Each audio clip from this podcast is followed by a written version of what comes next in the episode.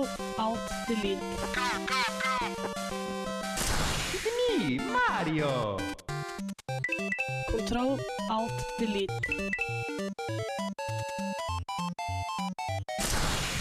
Unable to comply.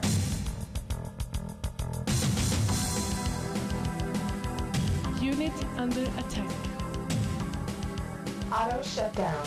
Sequence in progress. Ready to serve, my lord. Hei og velkommen til nok en Kontroll Elite-sending. Eh, Det er høstens første, eh, hva skal jeg si, kalde, kalde Kontroll Elite-sending. Eh, Vi nerdene i Kontroll Elite har flytta dessverre enda kaldere. Vi har flytta til Skyrim alle sammen og skifta postadresse.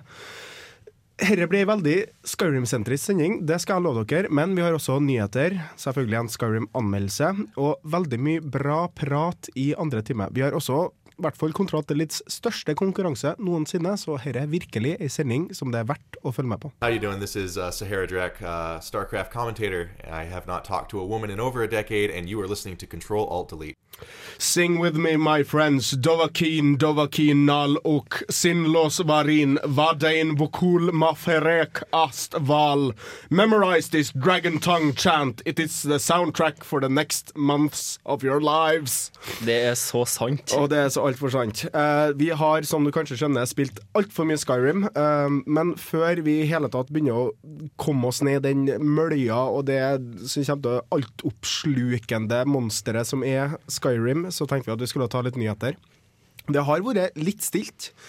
Det har vært mange store spill, men det har ikke vært så mange store nyheter, føler jeg. Um, det er lite nytt som på en måte beveger seg i bransjen, men det er veldig mye nytt som holder på når det gjelder bare spill.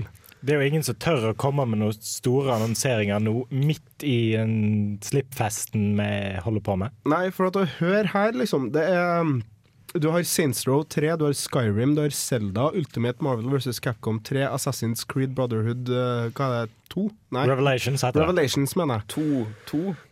Ja, det er, ja, noe sånt. det er vel Assassin's Creed 2, 3, hvis Ja. du skal være veldig fin på det. Stemmer. Og Call of Duty, Modern Warfare 3 og selvfølgelig da Battlefield oppå der. Og Og Uncharted. Uncharted sa ikke jeg, men Skyrim sa jeg. Mm, OK, OK. ok Ja. Men, eh, og, og det blir mer. Det, mot uh, julemånedene nå, nå så kommer det et par store spill som eh, det går ikke an å bare gå glipp av, på en måte. Så det er et, det er et spillhelvete og himmel samtidig. Um, vi håper virkelig at du har ønska deg noe til jul allerede, for det er så mye bra å ta av. Men nyheter. Xboxen ble akkurat ti år gammel. Enn det? Ja, enn det. Eh, jeg, jeg ble overraska egentlig når jeg så bare Oi, ti år gammel. Eh, jeg har aldri fått den følelsen av at jeg har på en måte levd ei stund, før jeg så at Xboxen har blitt ti år gammel. Jeg fikk den sommeren når jeg så at eh, PlayStation 1 var den 15. eller noe sånt. der. Ja, ja. Da, da følte jeg meg skikkelig gammel. Uh, IGN, OneUp og Gamma Sutra og samtlige andre sider tar og hyller den med f.eks. det at det, det er mange som sammenligner den som det var Dreamcast 2 på mange måter. Det var Dreamcast 2 vi aldri fikk, for at den på en måte appellerte til et publikum som ikke ville bli appellert av PlayStationen. Uh, for at det er jo et, det er veldig amerikansksentrisk maskin. Mange av spillene som er der, er liksom sånne online-spill som ofte spiller bare korte bursts. Og um, den ble jo embracet av uh, USA, men ikke så mye av Japan. Det, det jeg syns er veldig interessant med den første Xboxen, er at hvor godt den solgte i forhold til hva den egentlig hadde å tilby av spill. Den Ja. hadde Halo Ja. og Halo 2. Altså Halo 1 og Halo 2. Ja. Og, ja, og så hadde den et par sånne som liksom folk har hørt om. Og liksom, ja, ja, stemmer, det var et spill, det òg, men liksom Jeg husker at jeg avfeide den helt, for at den hadde ikke et eneste RPG-spill. Det fantes ikke. Uh, de fikk Blue Dragon, tror jeg het, som var han som laga Dragon Quest. Uh, de fikk det sånn to-tre år etter launch, eller noe sånt, og da var jeg altfor sen for at jeg skulle kjøpe den. i hvert fall. Men um, Valve har teama opp med uh, For en stund siden da, så teama de opp med Dark Horse Comics. Det er de som står bak uh, tegneserien Spawn. De har nå laga tegneserier til Portal 2, Left 4 Dead og De eh, Team Fortress 2. Og Disse er nå ute i statene og har fått veldig god kritikk. Så hvis du er en fan av disse seriene, så anbefaler vi å kjøpe dem. Apropos Valve, det er jo verdt å merke seg at når vi sa i forrige sending at Steam-forumet har blitt hacka, eh, Steam har blitt hacka. Ja. Eh, det er vel ikke sånn veldig stor fare for at det er noe mye som kan bli stjålet for det, men det går jo an å være på den sikre sida og Ja. bare skifte et passord og De har vel offisielt bedt folk følge litt med på Ja, kredittkortbalanse Ja, og vil sånt. kanskje faktisk fjerna det lagra Lagra account eh, Hva heter det? Kortet ditt, ja. Ja, Det er jo useless. Hvis de allerede har knabba databasen når du fjerner det nå, så må du bare legge det inn på nytt neste gang du skal kjøpe noe. Ja, Ja, jo, for så vidt. Som Ja. vår uh, tech-guru, Tor. Um, det er jo sånn at det skal veldig mye til for at de faktisk får den koden, for det er sjelden at det er lagra i klartekst. Liksom, hvis kodeordet er 'bananbåt58', så det, det skal litt til for at det står 'bananbåt58' der på hackeren sine filer. Hvis det er lagra i klartekst, så er det et selskap jeg aldri ville hatt noe som helst med å gjøre noensinne igjen. Så der fikk dere den. Videre kan vi si at eh, Skyrim sliter på PlayStation 3. Det er mange som rapporterer at savefilene kjapt blir diger, og spillet legger desto større savefiler er. Eh, Hvordan konsoll spilte du på, Hallgeir? Eh, 360. eh, det som eh, går an å merke seg på 360, er at det sliter hvis du installerer spillet. Oh, ja. Eh, jeg vet ikke om jeg har merka noe til det. Jo, forresten, det, det sliter grafisk. Altså, når du installerer spillet, så er det eh, den skaleringa og opp- og ned-grafikken eh, når du lader nye områder, blant annet, og når f.eks. Eh, det kommer en ny figur på skjermen, eller noe sånt. eh, Så er det jo ofte sånn at for, Det hender seg jo i spill at først så ser de ganske dårlige ut, og så blir de bedre etter hvert. Ikke sant? For at det trenger litt tid på å laste seg, spesielt på så store åpne spill.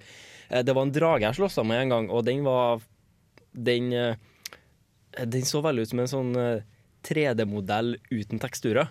Oh, ja. Hvis du skjønner hva jeg mener? ja, jeg skjønner hva mener. Du Eh. ser bare noen flygende bein, nesten. Ja. Ja, ja, eller ikke sånn, men at den var helt glatt. da Oh, ja, okay. uh, Og ingen farge, den var liksom grå.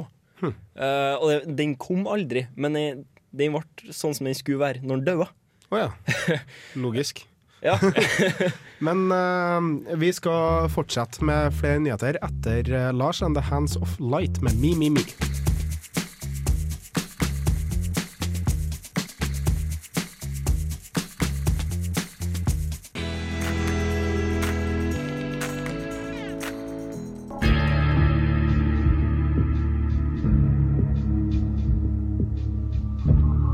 Der er vi tilbake med litt mer nyheter. Uh, IndieRoyal.com er noen av dere som har vært på det, sier jeg.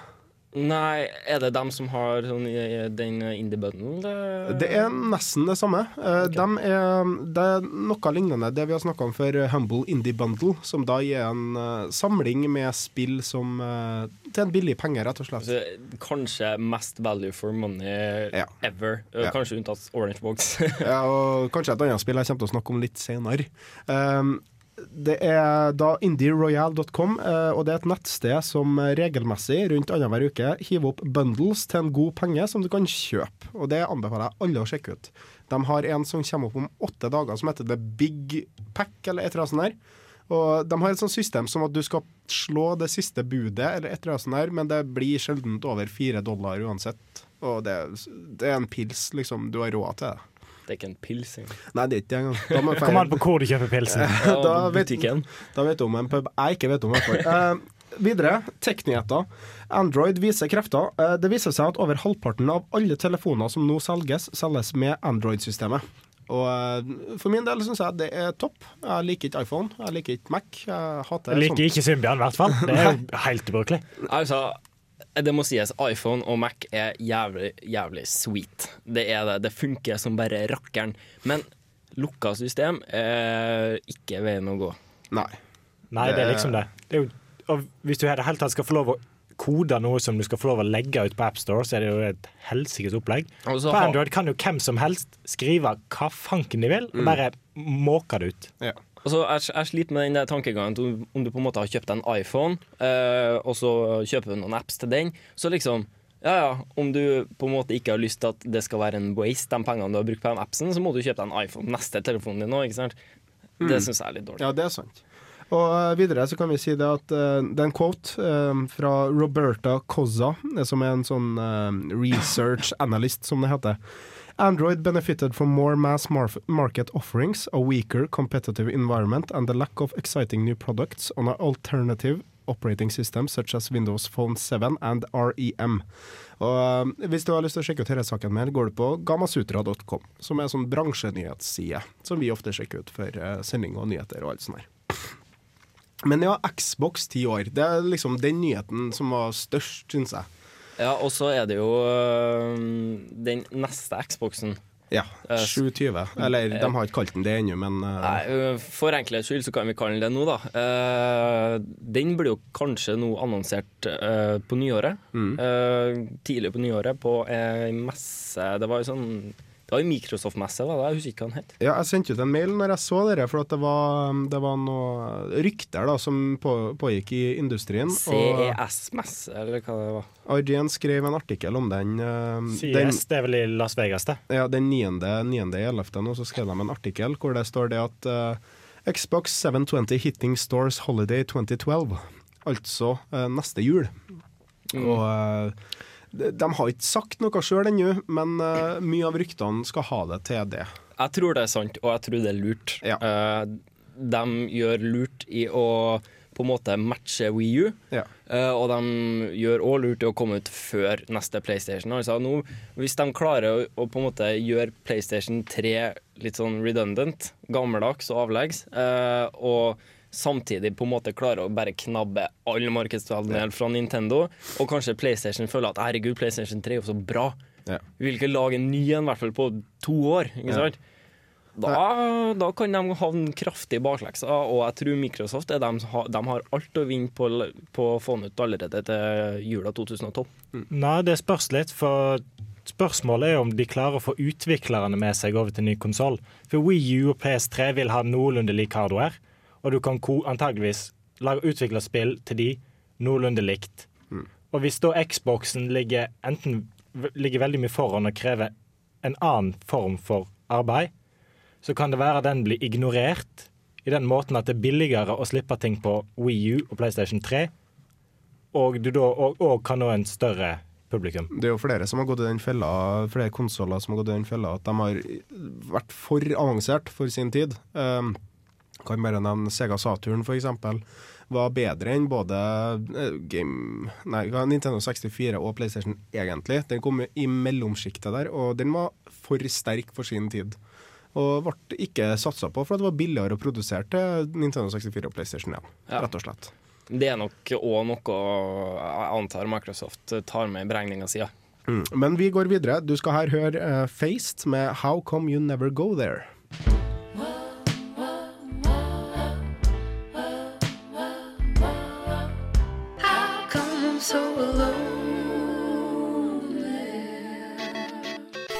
Hei Mario!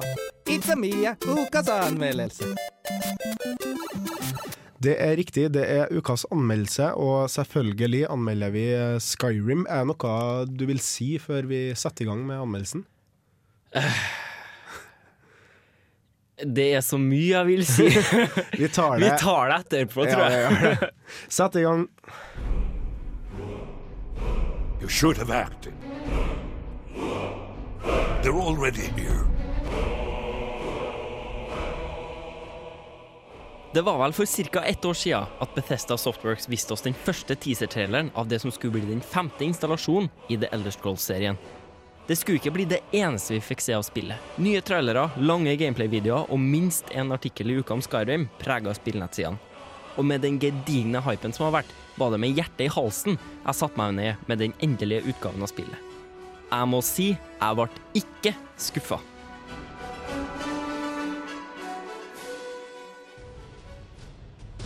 I Skarheim har vi beveget oss nordover fra forgjengeren, rent geografisk.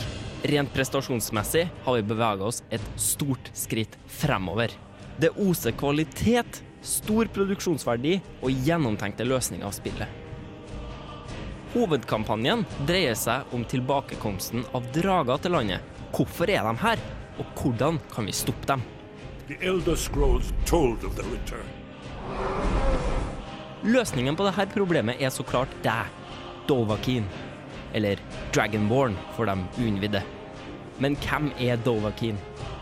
Og det er helt og holdent opp til deg.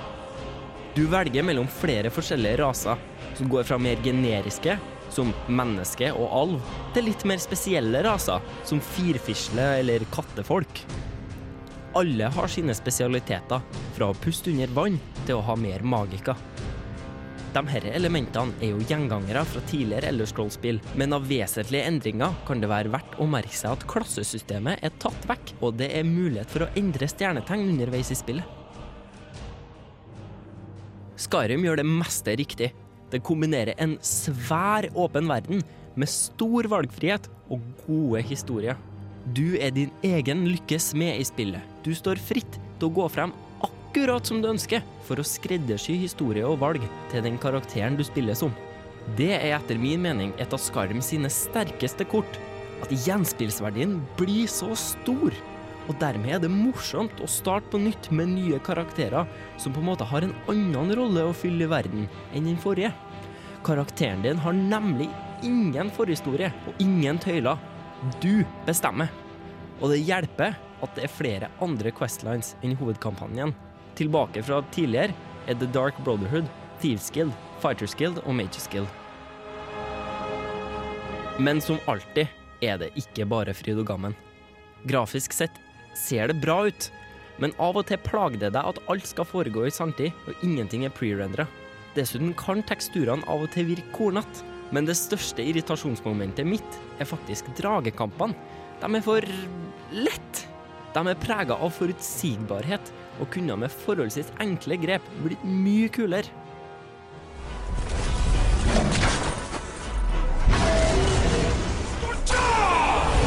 Men for å komme tilbake til poenget. Skyrim er bra. Jævlig bra. Det er faktisk et av de beste spillene jeg noen gang har spilt. For det viser seg at Skyrim det er ikke bare et spill, det er en tidsmaskin. Du setter deg ned med spillet, og før du vet ordet av det, er det midt på natta, og du skulle ha lagt deg for lenge siden. Det er så mye å gjøre, og du vil gjøre alt. Du har lyst til å jakte på hjort i skogen. Du har lyst til å klatre opp på alle fjelltoppene. Du har lyst til å utforske alle hulene og gjøre alle questene. Du vil være en ork med svær øks, og du vil være en skogsalv med pil og bue. Du vil bli en stor kriger, en skummel snikmorder og en mektig magiker. Og det er her, kjære venner, at Skarvim er bedre enn andre spill. Du er kanskje ferdig med historien, men du har akkurat begynt på spillet. Karakter ti av ti.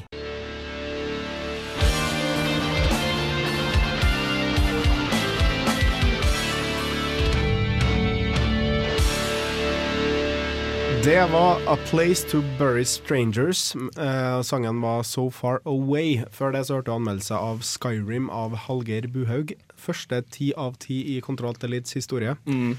Det, du- det er et av de første spillene på en måte som jeg har spilt som jeg har tenkt wow, det her er en ti av ti. Altså, ikke bare som spillanmelder, men som spiller. Ja.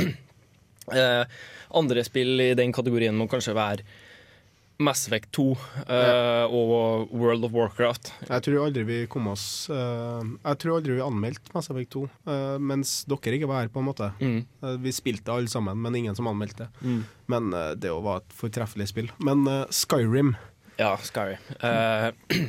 Det- er Det er så mye å gjøre i det spillet. Ja.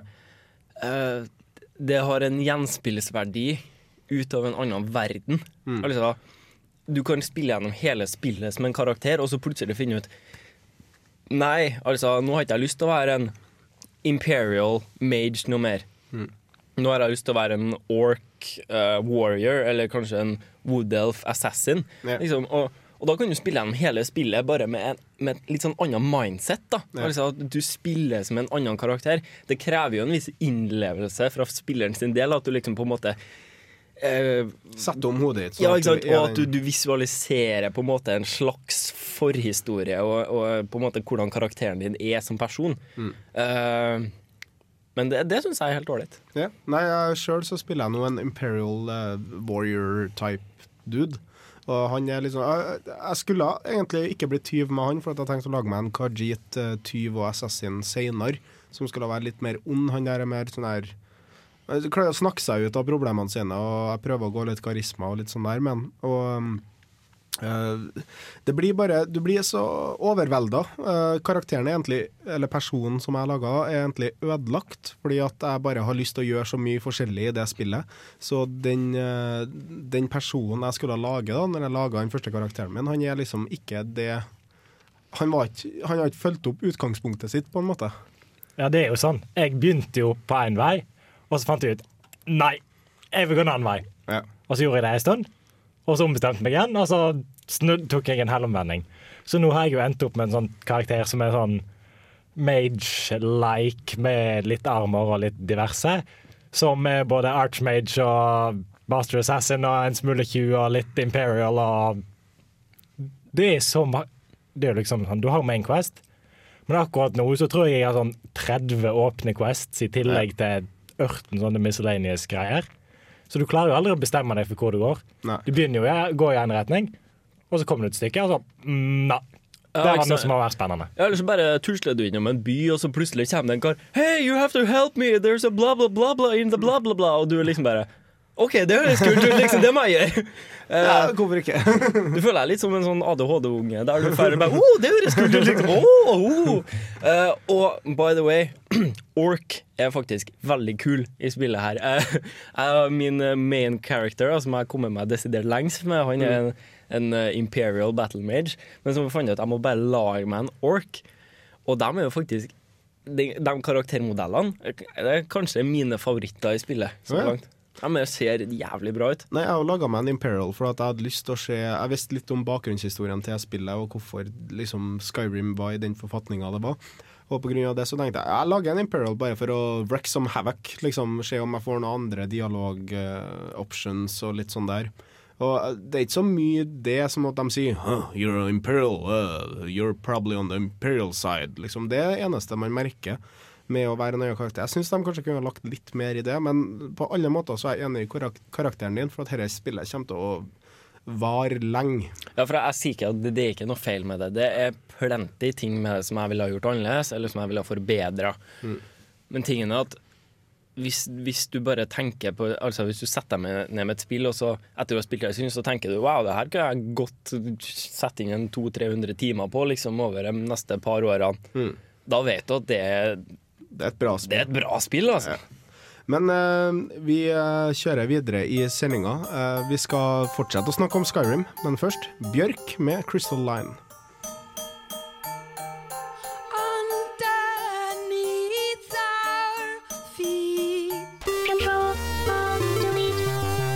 Der er vi tilbake fra Bjork og eh, Crystal Line. Um, du hører på Kontratellit her på Radio Revolt, og vi har akkurat anmeldt Skyrim. Vi har også, eh, som sagt tidligere, flytta vår permanente postadresse til Skyrim. Så mye har vi spilt det. Jeg eh, digger spillet. Jeg elsker det. Eh, er et sånn, jeg gleda meg til fra jeg først begynte å like Oblivion, for at Oblivion var på en måte litt sånn trial and error for meg. Jeg spilte mye, men jeg ble ikke slukt opp før jeg virkelig kunne modde det litt og gjøre litt med det, sånn at f.eks. experience-systemet var annerledes. For at det var forferdelig, rett og slett. Jeg brøyt meg inn i, en, eh, i et lite hus hvor det var ei dame som hadde et rotteproblem. Hvor det var sånn her ti rotter i samme kjelleren, eller noe sånt der, bare for å skille light armor. Eh, Jeg bare rusla ned der, og så ag jeg alle rottene så de kunne slå på meg. Da fikk jeg light armor. Yay. Ikke sant? Og det, det er ikke sånn man skal spille. Og der syns jeg at uh, Skyrim gjør det betraktelig bedre. Og det med modding det har allerede kommet ut et par mods, og Oblivion var jo veldig kjent for modde-communityen sin, for å si det sånn.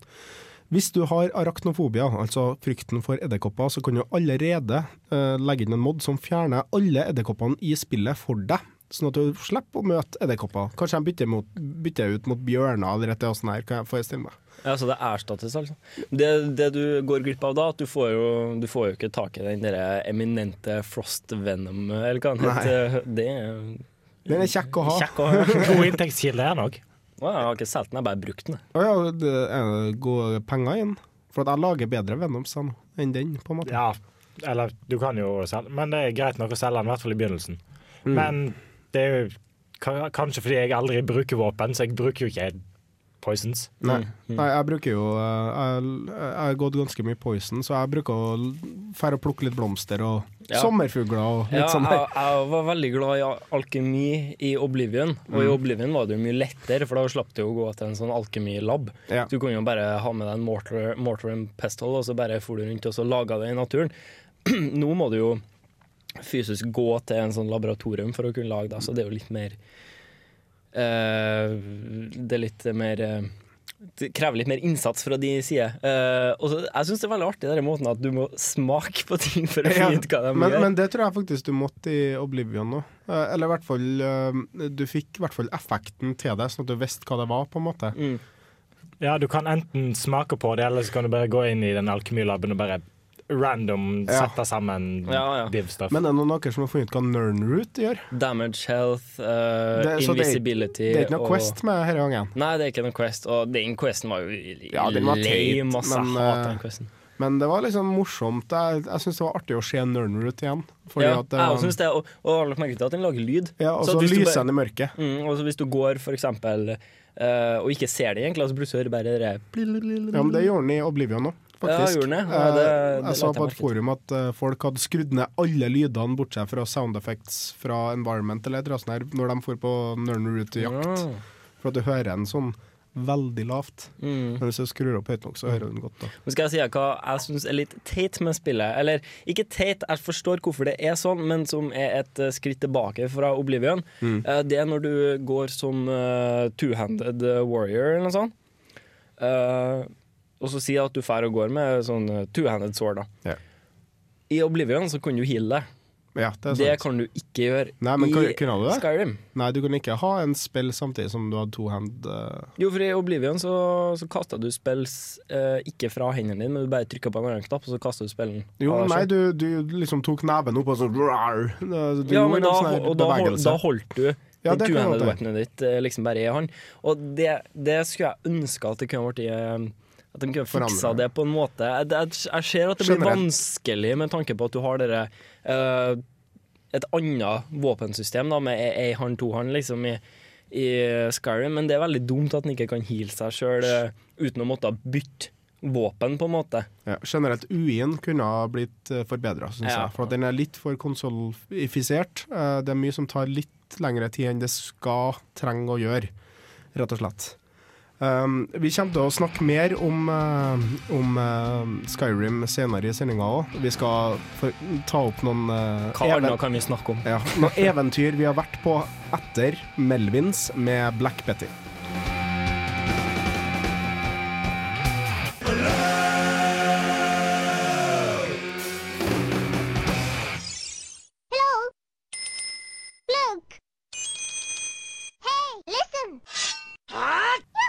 Og der hørte du eh, Zelda, eller Link og Navi. Og Link kommer jo eh, i et nytt spill til helga, tror jeg. Og det kommer vi selvfølgelig også til å teste ut, men akkurat nå er Skyrim som står på agendaen. Jeg var i en bar i Whiterun, og der møtte jeg en eh, person som eh, ville utfordre meg i en drikkekonkurranse. Denne personen så Alt han ville gjøre, var egentlig Han sa du får en stav av meg, en fet stav, hvis eh, du slår meg i drikkekonkurranse. Eh, alkoholisert som jeg er, så svarte jeg jo ja. Eh, og etter hvert så ble jeg ganske smashed, og plutselig går bare skjermen svart. Etterpå så våkner jeg helt på andre sida av mappet. du våkner i den eh, Jeg husker ikke hva den byen er, men det er den helt vestlige byen. Eh, Det Markarth. Markarth, ja. Du våkner der på et tempel hvor du har trasha hele tempelet. Du har også gått inn og snakka om at du skulle gifte deg med ei geit. Og tydeligvis så er det Fy faen, det er jeg altså. det ligger også en eh, giant's toe på bakken og masse rot som du må rydde opp for å i hele tatt få lov til å gå videre. Og Der ligger det også en invitasjon til ditt eget bryllup, samt, eh, samt eh, ingrediensene til å fikse det her staven som du ble lovt. da. Og du har visst blitt veldig god kompis med han eh, kisen som du da har traversa hele Skyrim med den uh, skjebnesvangre natta. Ja, En liten sånn Vegas-tur, eh, Ja, det, det var mer eller mindre det. Ja. Og da plutselig går du på en epic quest hvor du skal finne han karen og bryllupet ditt, mer eller mindre. Ja, for jeg så det var en achievement med å bli gift. Ja, da jeg har blitt gift òg, sjø. Ja, ja, for jeg skjønte ikke det her, for at alle kjerringene jeg prater med, de vil jo Du ikke må ha en, prate med meg. du må ha en amulett på deg. Det er en eller annen fyr i Riften som Ja. snakker om å bli gift med en eller annen dame du møter hvis du gjør Quests for Thieves Guild. Mm. Og du kan spørre han om hvordan du kan bli gift, og så forklarer han hele greia. Ah, ok. Eh, jeg har en historie. Uh, den er litt mer episk enn morsom, da, og, og, og det er nok sannsynligvis bare jeg som syns den er så episk som den faktisk var. Men jeg, jeg var i hvert fall og traska opp på et fjell, eh, som man ofte gjør i Skyrim. ja. da det var en drage som kom og angrep meg, som òg hender seg skjer i Skyrim. Eh, tingen var at det var en ganske generisk dragekamp, helt til faktisk jeg hadde bekjempa den jævla dragen, og han daua, ikke sant? Og da eh, hadde jeg bekjempa han med mitt eh, elektriske sverd, eh, og så daua han. Eh, og akkurat når han daua, så sklei han av kanten på fjellet og datt ned sånn 100 meter langt stup, ikke sant? Det var skikkelig Lord of the Rings, eh, Gandalf versus Balrog moment, der han bare datt ned og, og smuldra opp, ikke sant? Bæ! du, Men det ble en jævlig lang tur for å finne dere Dragon Balls og etterpå. For det blir jo sånn at du føler deg episk etter du tar de dragene. Selv om de kanskje blir litt generiske etter hvert, så Ja. skjer det i så forskjellige settinger, føler jeg, at det blir ganske kult uansett. Jeg må, ja, jeg må faktisk si at jeg syns dragene gjør seg best når du ikke slåss mot dem. At du bare hører dem. Hører dem og Eller ser dem. ser dem langt i bakgrunnen. For at når du bare drar rundt og trasker, og så plutselig hører du det i bakgrunnen, ikke sant? som, som uh, legger, lager ekko mot fjellsidene, ikke sant? og du bare kikker febrilsk rundt deg. 'Å, faen, hvor er den dragen?' Ikke sant? Da syns jeg de virkelig briljerer. Ja, nei, jeg var jo Jeg hadde akkurat kommet ut av eh, eh, Skapet. en eller annen Nei, nei. En eller annen cave. En eller annen, jeg husker ikke helt hvor det var. Og så kom jeg ut der, da. Så det er to drager som driver og sirkler rundt over hodet mitt. Oi. Midt i en by. vet du. Ja, Det springer masse vakter rundt og huer og skriker og skyter piler på de dragene. Ikke at de treffer, da. Det gjør de jo aldri. Nei, det, det kanskje mest kjekke for meg var når jeg, var, og jeg skulle rusle etter en Quest vest for White Run. Og så hører jeg en drage. Og jeg ser også en haug med mann, mammuter foran meg. Og OK, jeg har ikke noe potions, jeg har dårlig equipment, jeg har ikke lyst til å gjøre dette. Men dragen presterer å aggro en av giants som er nære. Og gianten, han slår hardt. Han slår jævlig Så, så når gianten da, eh, eller når dragen da kommer ned på bakken, så kommer jo gianten springende og bare begynner å stompe det stakkars dragen ned til døde. Og jeg syns det var topp, for at han ble eh, på en måte Han ble skada, han gianten. Altså, jeg kunne ha kita han etterpå. Og jeg bare Yes, two for one! Great stuffs! Men vi kommer tilbake til mer Skyrim etter Egil Olsen med Bombastic, et liveopptak.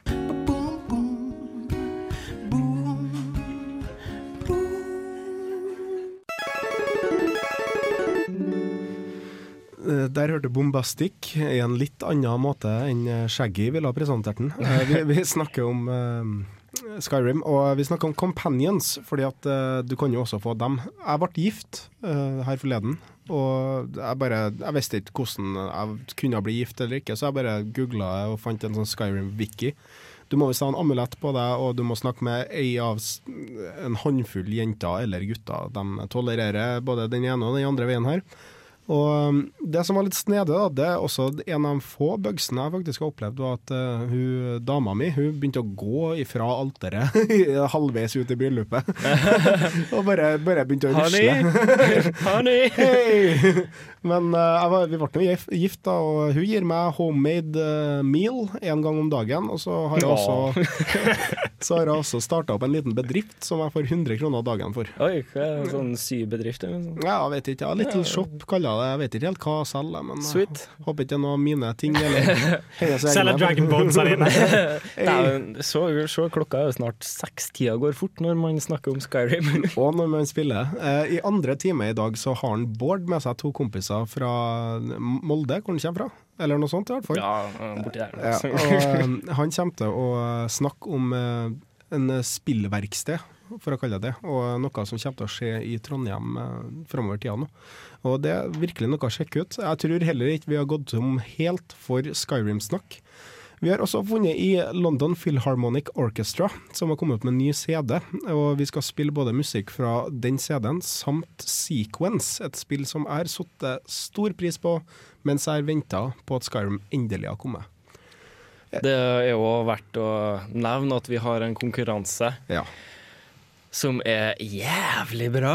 Det er sant. Vi kommer til å lodde ut eh, Collectors Edition av Skyrim. Eh, Vi må virkelig si at diger takk til Spaceworld Trondheim Torg og Torstein Jacobsen, som har gitt oss den muligheten til å gi dere den ultimate julegaven. Ja, fy faen. Altså, dem som får det, bør faen være glad. Ja. Det er ikke noe gamere vil ha mer akkurat nå, tror jeg. Det er en jævla drage! Ja, det er en hel drage, det er artwork, det er sikkert soundtrack, det er en diger boks i hvert fall. Jeg tok inn og den veide flere kilo. Men uh, før den tid så er det bare å si det at uh, kom deg på radiorevolt.no og hør på nettradioen vår. Um, vi går av FM-båndet, og vi håper at vi ser dere neste time. Her kommer Tog med Håpløst.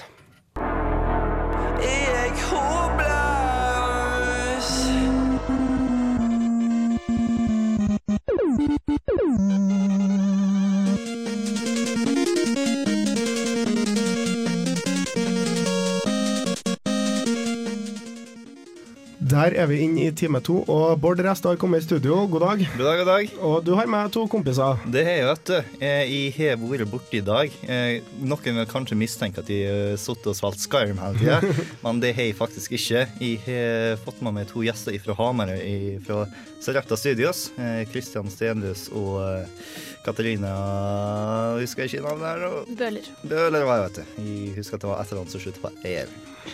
I hvert fall. Eh, vi har tatt og sittet oppe på Gløshaugen i hele dag og hørt om hvordan det samtidig var norske spillindustrien. For eh, vi var på Join Game Workshop. Eh, Join Game Workshop er en sånn sammentreff av den norske spillindustrien. Spillforskere, spillutviklere, spillfinansiører. Vi har besøk av en kar fra Innovasjon Norge som snakka om hvordan de kunne få penger derifra. alt mulig. Og eh, har, vi har sånn 20 minutters eh, framføring av eh, forskjellige ting folk har lyst til å ta og snakke om. Så det har vært en ganske interessant ting å få med seg. Det høres i hvert fall interessant ut. Var det noe var, Nå gikk jeg tom for ord her. Um, var det noe spesifikt som du vil ta fram, f.eks., som er interessant for de lytterne våre? i hvert fall? Ja, nei, det var to store tema, egentlig. Det var seriøs eh, gaming versus eh, gamification. Eh, greia der er at seriøs gaming er et spill der du tar og lærer noe mer enn bare det spillet har, for å si det sånn, noe pedagogisk. Så eh, på en måte en, eh, eksempelet jeg brukte, var eh, sånn Zenit, bare med pensum i stedet for uh, filmtrivia. For eksempel. Det er seriøs gaming. Der får du mer ut av det enn bare å ta og bli flink i Tetris eller noe sånt. Så, så backpacker, liksom. På en måte, ja. Eh, du lærer noe mer enn å bare ta og være rask med tomlene og vite at eh, du har lyst på mer charisma and strength hvis du er sånn som meg. Nei, men Vi kommer tilbake med det. Vi må, eh, vi må høre litt filharmonisk orchestrated music først. Selvfølgelig har vi da tatt fram Elder Scrolls med Oblivion-soundtracket.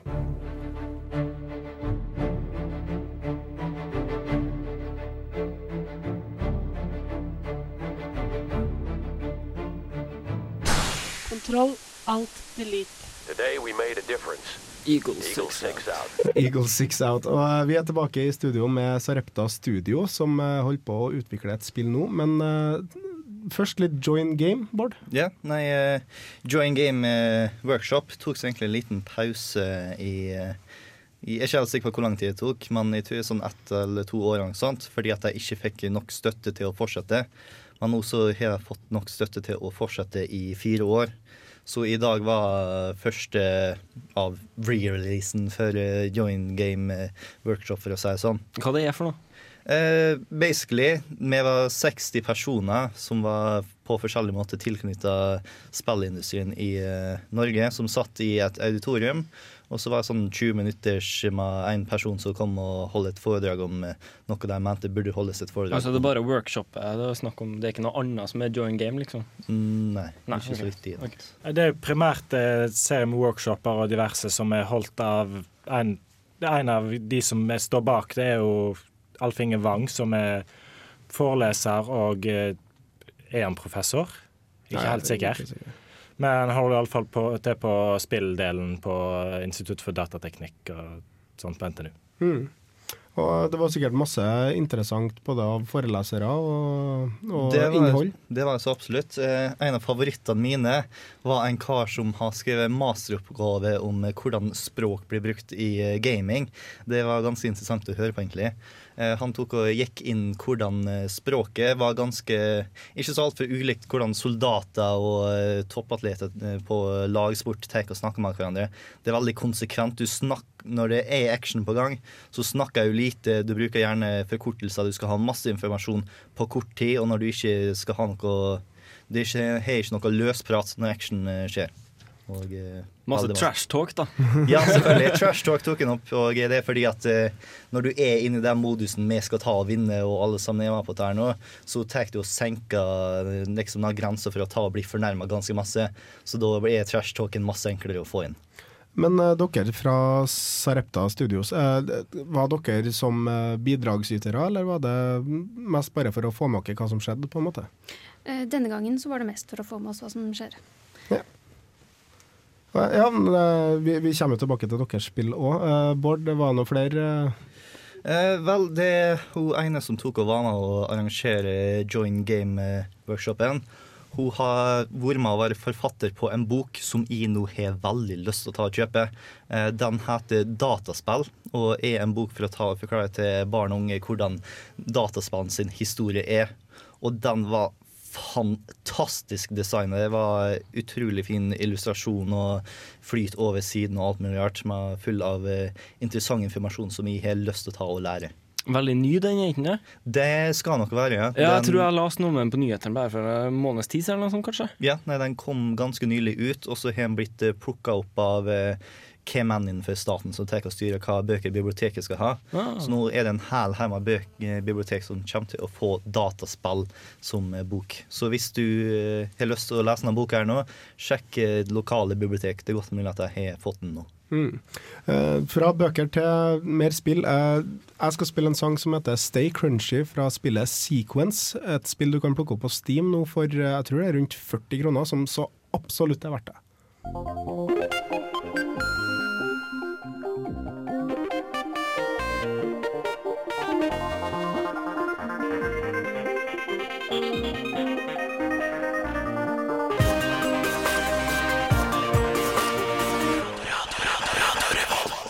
Der er vi tilbake, og Bård har vært på spillworkshop, mer eller mindre. Join Game Workshop. Og eh, et annet viktig tema i Join Game Workshop var små utviklere og hvordan de har det i Norge. Eh, den som eh, folk flest som hører på dette, kanskje vil kjenne igjen, er karen som tok og eh, lagde Wordfeud. Han Mhm. kom og holdt et lite foredrag der nå om eh, hvordan Vel, han egentlig ikke tok og forventa at det skulle bli slik en hit. Eh, Det han gjorde, var egentlig at han bare lagde Det var første appen han lagde på Android, og han lagde det fordi han hadde lyst til å ta og spille Scrabble på Android med norsk eh, bokordforråd. bok eh. Ja, for det finnes jo altså Nå ser jeg jo dem på skolen som jeg jobber sammen med, som er godt oppe i 50-årene, spiller Wordfeud.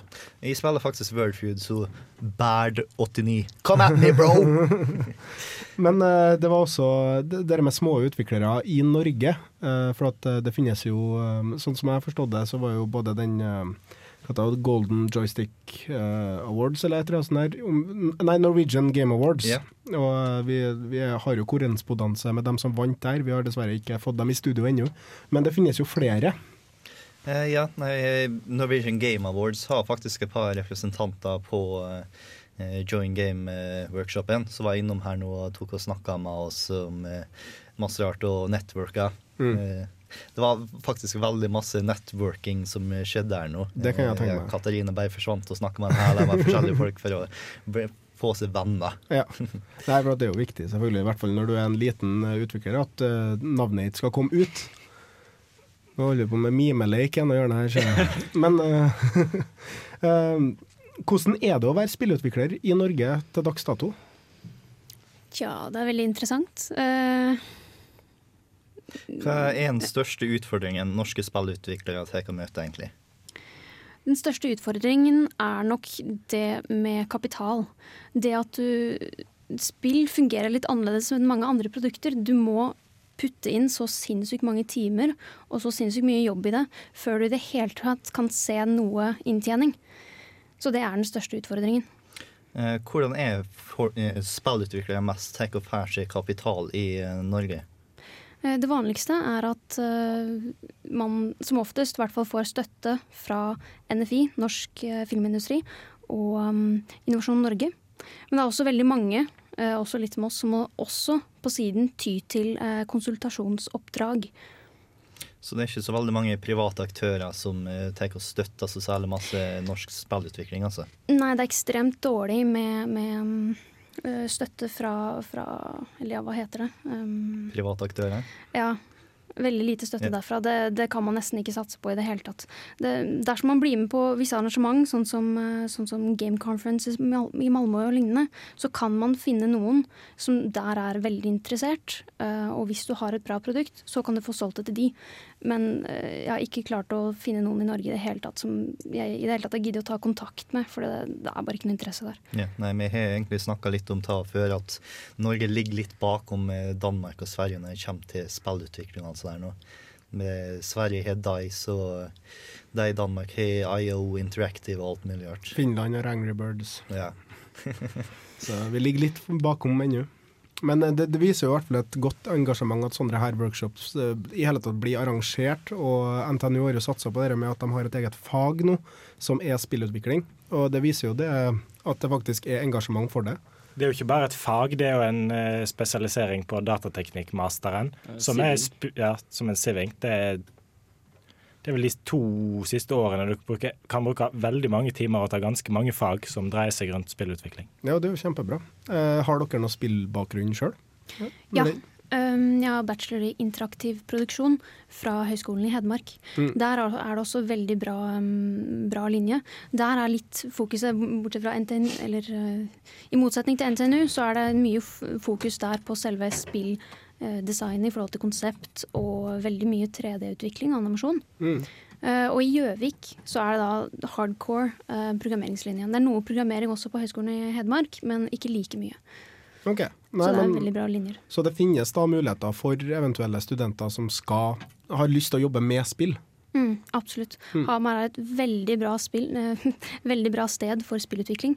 Um, også fordi at det har et miljø der som har vokst opp gjennom flere år, som er veldig støttende. Og Innovasjon Norge har faktisk fokus på støtte, støttepenger til spillutvikling, spesielt i Hamar. Hvordan står det til med jobbutsikter for en nyutdanna spillutvikler, eller uh, hva du kalte det, fra Hedmark Spill, uh, interaktiv eh, Eh, interaktiv produksjon. ja, interaktiv produksjon. Hvis du er nyutdanna i det, hvordan, er da liksom, hvordan ser jobbmarkedet ut? Er det jobber å få, eller eh, må du starte noe sjøl? Det spørs faktisk litt hva du ønsker å være. Uh, hvis du skal være sånn som meg og være generell spilldesigner, så er det veldig dårlig. Da må du starte eget. Er du programmerer, um, så er det ikke nødvendigvis så bra utsikter i Norge, men det er veldig mye rekruttering ut i Sverige og Danmark. Spesielt nå, nå i det siste. Som programmerer så er det jo Jeg kjenner jo flere som har studert og tatt en spillutvikling-spesialiseringer. Og de, de går som regel ikke rett inn i spillselskap. De går som regel via et eller annet konsulentselskap, jobber der et par år og koder generelt. Og da har de erfaring å sikte med, og da er det lettere å komme seg inn i andre selskap og få jobbe mer med det de har lyst til. Mm. Så det finnes da forskjellige veier på en måte å ta for å komme seg inn i spillutvikling. For at eh, jeg har også en venninne som har gått illustratør, Mm. som har lyst til å f.eks. holde med concept art og mer eller mindre lage et univers rundt spillet. da, Og fungere som en sånn liten muse for eventuelle spillutviklere. Men det er jo vanskelig, selvfølgelig, i og med at markedet er så snevert i Norge. Mm. Og spesielt etter eh, Altså, det var ganske bra marked for illustratører og lignende, men når depresjonen kom, så var det veldig mange som fikk sparken, og det Mm. er så mange av dem. Eh, Så klart, nå er det jo en vekst igjen, da, Mm. som gjør at det ser veldig bra ut egentlig for alle som studerer hva som helst innenfor spill, um, 3D-animasjon, illustrasjoner og lignende, men det er fortsatt litt igjen, da. Eh, Mm. Men jeg ville tro at over om to-tre år så vil det se ganske bra ut for de fleste. Ja, men uh, vi avslutter på en high note før vi fortsetter med London Philharmonic Orchestra med Legend of Zelda Sweet.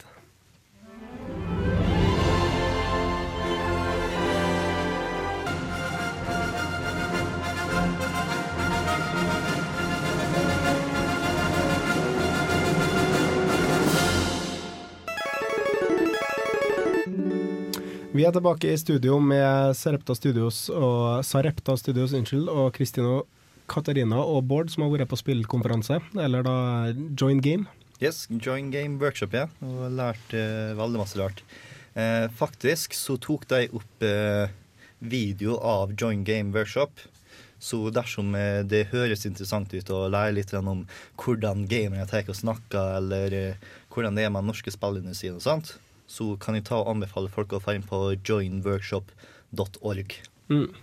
Du trenger å være medlem for å ta og kunne se videoen. Men eh, det er helt gratis å være medlem, og det er ikke dumt å være en del av den norske spillindustrien og spillmiljøet, for å si det sånn. Eh, denne videoen ble tatt opp i dag, så ikke ta forvent at den kommer ut i dag. Den eh, kommer nok ut i løpet av neste uke. Så du kan på en måte trekke paralleller mellom uh, denne konferansen og det her nettmiljøet, for jeg antar at det er noe forum eller noe sånt her som er blanda inn i det? Eh, jeg har faktisk ikke brukt eh, det så masse. Har du, Katarina? Ja, jeg har brukt det noe, og det er en god del ting på nett. Og de setter jo også opp egentlig nettkonferanser og slik ettersom man ønsker det. Så de fleste kan faktisk komme inn med forslag til hva de ønsker å gjøre, og prøve å få i gang ting. Da. Så sånn sett er det ganske bra åpent. Men hva er egentlig agendaen til Join Game, da? Eh, sånn som jeg har forstått det, så er det å gjøre Norge til en land som faktisk tar og produserer spill. Ha et eh, sunt og friskt eh, spillmiljø her i Norge. Og en sunn og frisk spillindustri er vel det aller viktigste. Mm. Men uh, dere lager et spill. Kan du fortelle meg litt om det spillet? Ja, eh, nå lager vi egentlig flere spill. Eh, det ene spillet vi lager er et sci-fi, Twitter- og Facebook-spill. Sammen med en amerikansk aktør, eh, Athena Virtual Productions. Ok. Um, betaen for Twitter er ute nå på nett. Så hvis man går og søker etter Battlelords of the 23rd Century, Mm. så kan man finne det og teste det. Mm. det andre vi driver og jobber med, det er det største satsingsprosjektet vårt. Det er et co-op adventure-spill til Xbox 360. Mm. Vi ønsker å få det ut på uh, Live Arcade, og er i dialog med Microsoft nå. OK, ja, men det høres jo veldig lovende ut. Ja, kan du ta og gå litt mer inn i detalj på hvordan det er? Fordi at jeg, jeg har hørt eh, hvordan det er, og jeg syns det er så veldig interessant eh, prosjekt, egentlig. Ja, um, jeg kan jo prøve å starte med litt historien. Uh, det handler om en gutt og hans skygge. Det er en fyr som heter Shadow Puppeteer, som, som um, vekker til live skygger og trekker dem ut av mennesker. uh, og og uh, samler på dem, harness dem for kraften deres. Men denne gutten som er hovedkarakteren, han klarer å redde skyggen sin. Okay. Og da må gutten og skyggen dra videre for å prøve å redde alle vennene sine og få tak i få tilbake disse skyggene og stanse han fyren. Eh, Det som er det spesielle med spillet, er at han som spiller gutten, spiller i 3D-området. Mens han som spiller skyggen, kan kun bevege seg i et 2D-område. Mm. Så um, i spillet så kaster alt normale skygger. Man har um, altså realistiske skygger. Man har forskjellige typer lys som har forskjellige properties. Um, og uh, gutten og skyggen må samarbeide og manipulere hverandres verdener for å komme videre. Så for eksempel hvis det er hvis det er et sted der skyggen må hoppe over, så må gutten bevege et objekt Mm. foran et lys, sånn at det kaster skygge på veggen, og bevege det sånn at det blir stort eller lite, f.eks. For, eksempel, for å få det til å, til å bli riktig, sånn at han kommer seg videre. Mm, og bygge et landskap. Så det blir en plattformer på en måte for den som spiller um, skyggen. Det blir, en, eh, det blir egentlig en plattform for begge to. Eh, Ja. Det er på en måte det er adventure med eh, veldig mye puzzle og plattformelementer. Så det, det, er, eh, det er en blanding mellom at det er litt mer rolig, og du må tenke, og det er, eh, bruker veldig lang tid på på å plassere ting rundt og få ting riktig. Og plutselig så kommer det scener der du må mm, Der det blir mye action, og man må bevege seg kjapt, og man må være synkroniserte, da. Mm. Ja, men Det høres jo veldig spennende ut. Eh, finnes det noe plass til å nå fram til noen eventuelle videoer eller informasjon om det spillet her? Ja, vi har en side, um, www.shadowpuppeteer.com. Mm. Den er under utvikling nå, uh, og jeg forventer at om ca. en måneds tid så vil det ha kommet inn en, en ganske god demo der. Um, eller altså videodemo, da, uh, med noe intro og noe gameplay og noe outro. Mm, det høres veldig interessant ut. Vi skal i hvert fall linke opp på Facebook. Og eh, vi skal også eh, holde dere eh, oppdatert gjennom eh, sendingene våre når vi hører mer fra dere. da. Um, hvordan syns dere at um, Er det en spesiell gruppe mennesker dere på en måte satser på når dere utvikler til Xbox Live, eller Live Arcade? Altså, det finnes jo mye ymse der. Um, og herre blir, Det høres jo veldig interessant ut, og det er noe som kan ta av på riktig måte, sånn som f.eks. Bastion gjorde. Eh, det kom ut som en sånn liten, eh, liten sak som nesten ingen hørte om, men som ble veldig embraced av eh, communityet. Er det noe en sånn effekt dere håper på? på en måte? Ja, vi gjør jo egentlig det. Eh, Vi ønsker jo å satse på um, Så klart, det kommer til å være en passe lav aldersgrense. Mm. For vi ønsker jo, og ser jo, um, potensialet i veldig unge spillere. Og at det er ikke noe å kimse av deres intelligens, for å si det sånn. Så man kan putte inn ordentlig gode um, ja, utfordringer. Og vi ønsker å satse på det med, med det sosiale. Da. Mm. Um, så det blir jo en, en, et spill som forhåpentligvis både de som er litt casual, og de som er hardcore, kan spille. Puzzle-basert eh, samarbeid eh, viser seg å være en stor suksess gjennom spill som f.eks. Portal 2. Mm. Uh, så det er jo helt klart et marked for det.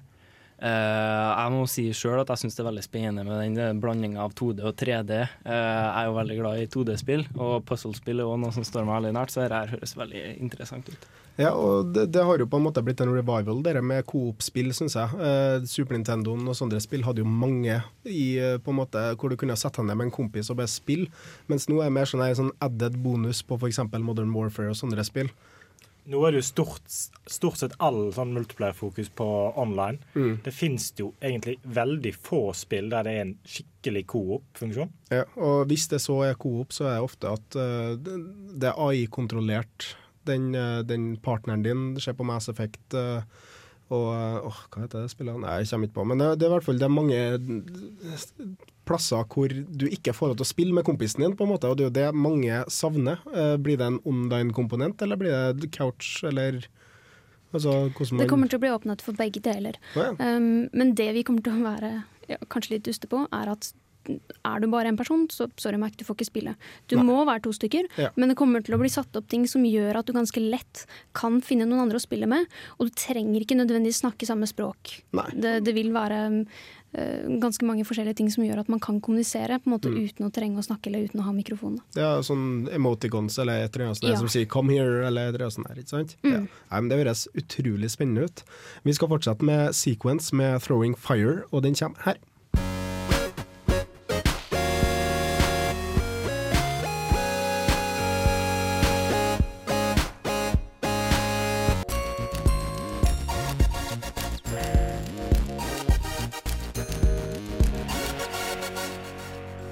Enchantment?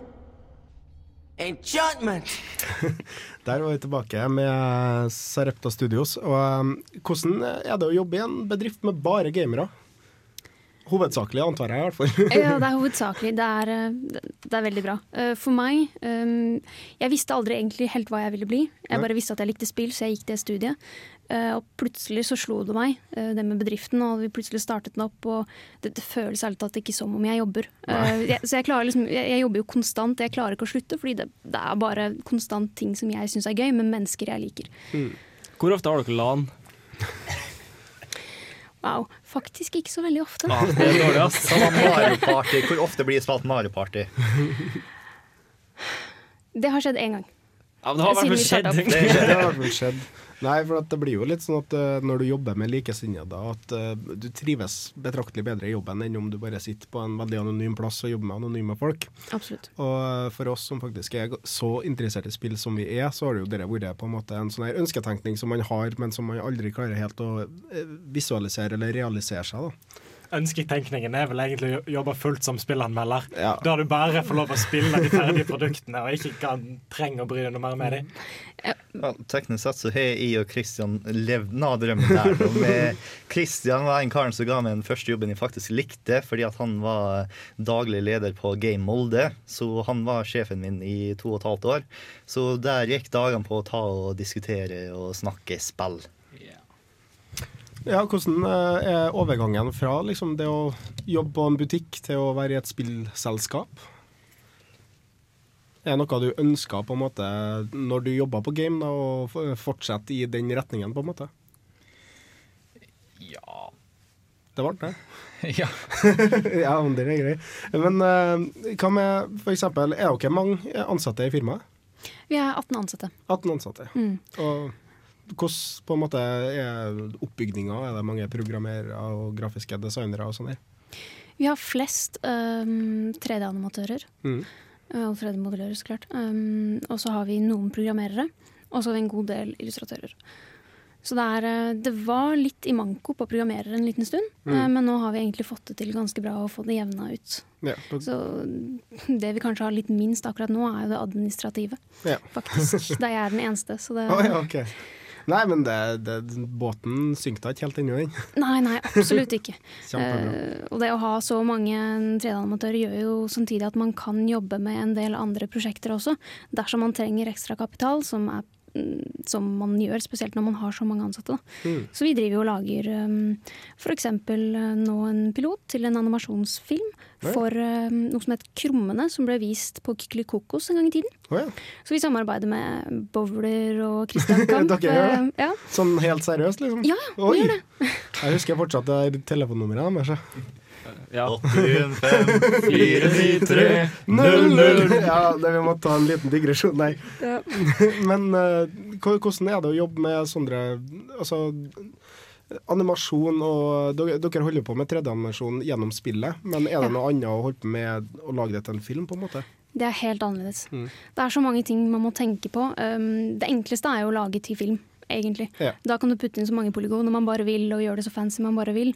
Men når man skal begynne å, å lage, lage modeller for, um, da for Xbox XNA, er mange, mange modeller har måttet scrappe fordi det viser seg at å ja, det er bare lov til å bruke så og så mye effekter og lignende.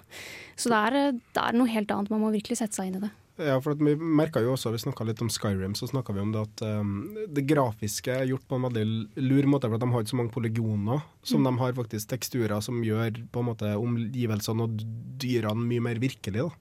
Og det, det er jo selvfølgelig noe å sette seg inn i det. Jeg skal ikke si at jeg kan nesten noe om det, men uh, det, det lar jeg være opp til dere, uh, altså å gjøre dere. Men uh, jeg tenker på Sequence, som nå er et uh, Steam-spill til 40 kroner. Det ble veldig blest opp av både spilljournalistikk og anmeldere, og, fordi at det var noe annet. Det er den første rytmebaserte RPG-en som noen har spilt, tror jeg, ever.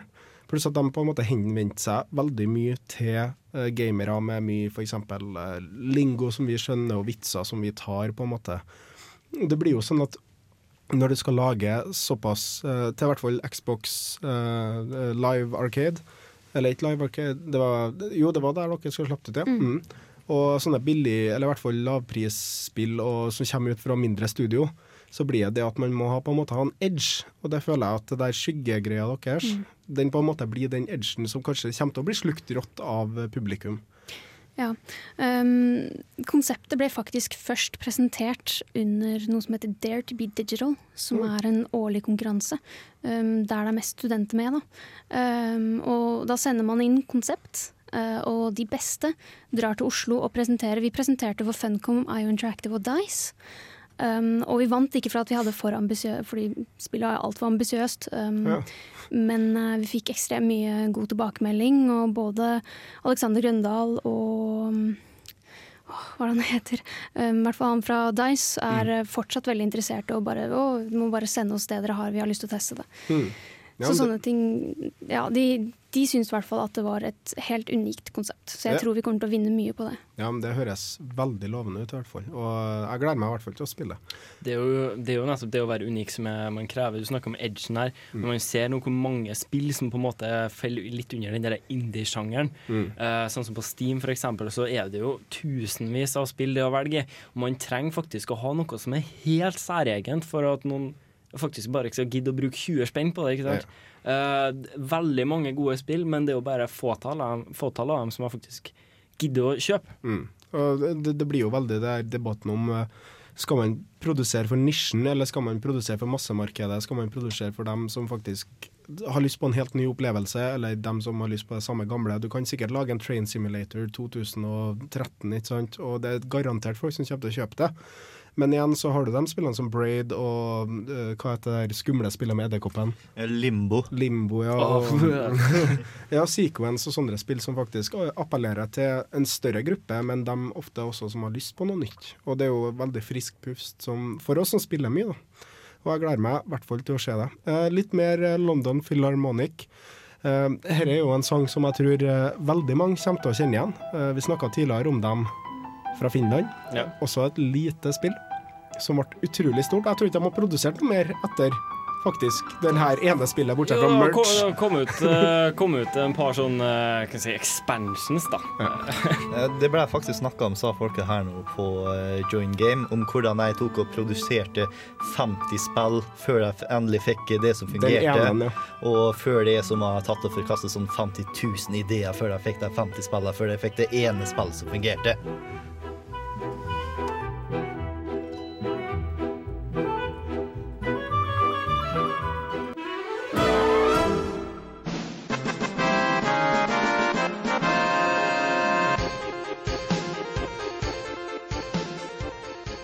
Der er vi tilbake. Du hører på Kontrollt Elite, andre timen, podkast-timen, som vi også kaller den. Vi har hatt litt uh, musikal spesial, og vi har også hatt uh, besøk i studio. Det jeg lurer på, kjenner jeg eh, Jeg har alltid hatt eh, store planer om å jobbe med spill, i hvert fall da jeg var mindre. Blant annet skulle jeg også bli standup-komiker, men det ble ikke noe av det heller. Men Det er fordi du ikke er noe artig, det. det er fordi jeg ikke finnes artig, Algeir. Tror jeg skulle ha oppdaga det før, men ja, nei. Nei. Men er det egentlig bare rosa å være spillutvikler? Utvikler? Nei, det er jo ikke det samme i det hele tatt som for f.eks. drive og spille spill. Eh, Nei. når du lager et spill, du må ja, du kan si Jeg har ikke fått spilt et spill ordentlig på flere år. Fordi det å skulle produsere det, er, er, det tar så lang tid, og det er så consuming. Og som oftest så sitter du med én del av spillet. Det er veldig få som får lov til å bestemme hvordan hele spillet skal være. Og ja, det er veldig mange utfordringer. Så Mm. klart, det er ekstremt givende når du får ut noe som er bra. Eh, Men samtidig, det er, hvis man tror at det bare er en dans på roser, så, så kommer man til å bli litt sjokkert, tror Ja. jeg. Nei, men det er jo det, det høres jo faktisk realistisk ut, og ikke sånn barnedrømmer. Men eh, du har en mulighet til folk som har lyst til å prøve det å utvikle spill sjøl. Det er riktig. Um, det er noe som holdes årlig, som heter Global Game Jam. Um, og det er um, når spillutviklere, eller uh, wannabe spillutviklere over hele verden samler seg og på samme dag sitter og får 48 timer og skulle produsere spill. Så det skjer over hele verden, og alle laster opp spillene sine til en felles side, en felles server, der man kan sitte og spille kanskje ja, 30 spill fra Japan og 50 spill fra Italia, og det er veldig, veldig spesielt. Um, nå skal eh, Sarepta Studio sammen med Krillbite og Moondrop, eh, andre spillbedrifter i Hamar, Mm. gå sammen for å arrangere en større Global Game Jam i Hamar. Mm. Vi, til å, eh, vi har dessverre kun plass til 120 stykker i denne første omgangen.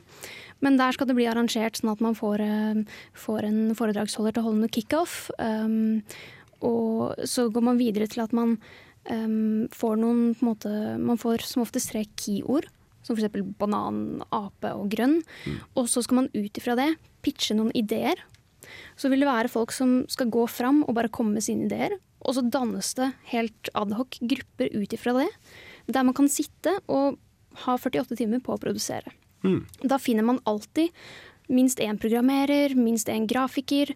Hvis man selv ikke kan noe særlig, men bare har noen gode ideer, så kan man komme og være med og prøve å danne et team for å få lagd noen av sine egne spill. Vi kommer også til å ha en del mentorer. eh, Spesielt også da f.eks. fra Sarepta og Myndrop, som kommer til å gå rundt og hjelpe til. Eh, For de som ikke kan nødvendigvis så mye. Eh, Vi kommer også etter hvert Når hjemmesiden vår kommer opp om et par uker, så kommer vi til å linke til masse forskjellige tutorials eh, innenfor Unity og lignende, sånn at man kan, faktisk kan sette seg litt inn i det. Mm. Så det er absolutt verdt å få med seg. Og dette skjedde på den skal vi se, 27. til 29. januar. Det er riktig. Da er det bare å ta kontakt med, med Sarepta Studios i Hamar. Mm. Og det er helt gratis, og man får, eh, man får også mat der. Oi. Eh, så, så man Free overlever. ja, Um, nei, men Vi kommer til hvert fall å linke både på Facebook og Er det plass til å sove der nå òg, eller må jeg ta Det er også plass til å sove der. Fint. Oi, perfekt. Så hvis du er i Hamar fra 27. til 29. januar, så vet du virkelig hva dere skal gjøre. Jeg må takke deg, Kristin, eh, Katarina, for at du orka å snakke litt med hvordan det er å være spillutvikler. Og tusen også takk til deg, Kristian, for at du kom til oss i studio. Bare hyggelig. Ja. Vi fortsetter med London Philharmonic. Eh, Her kommer Uncharted Drake's Fortune, Nates Theme.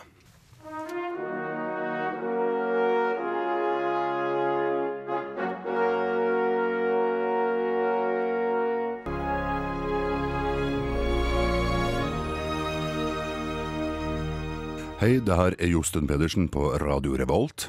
Radio Revolt, 12 points. 12 points, Radio Revolt. Du hører på Kontroll Elite, og eh, vi har en julegavespesial of sorts. Vi skal nemlig eh, Jeg må bare si Når vi fikk eh, Eller når jeg fikk denne henvendelsen om en eventuelt julegavespesial til våre lyttere, så ble jeg mind blown, fordi at uh, vår kjære venn Torstein Jacobsen og um, han tilbød seg at vi kunne gi bort Collectors Edition av Skyrim. Det er da den svære boksen som du kanskje har sett i enkelte spillbutikker, som veier kanskje rundt fem kilo. Og som inneholder en drage, ei leatherbound book, sikkert noe soundtrack, selve spillet selvfølgelig, og masse snacks rett og slett for den kommende eller ønskende Skyrim-spiller. For vi tenker jo det at eh, mange av våre lyttere har kanskje allerede plukka opp Skyrim. Men om du kjenner noen, eller kjenner noen som kjenner noen, eller vet om noen som trenger en liten oppmerksomhet, en virkelig svær, feit halpakke under juletreet, så er dette muligheten for deg til å slippe unna én julegave, i hvert fall. Og vi har kommet opp med en ganske kreativ eh, utfordring til dere, for at eh, vi fant ut at vi kan ikke bare gi den bort heller. Tor, hva har vi tenkt på?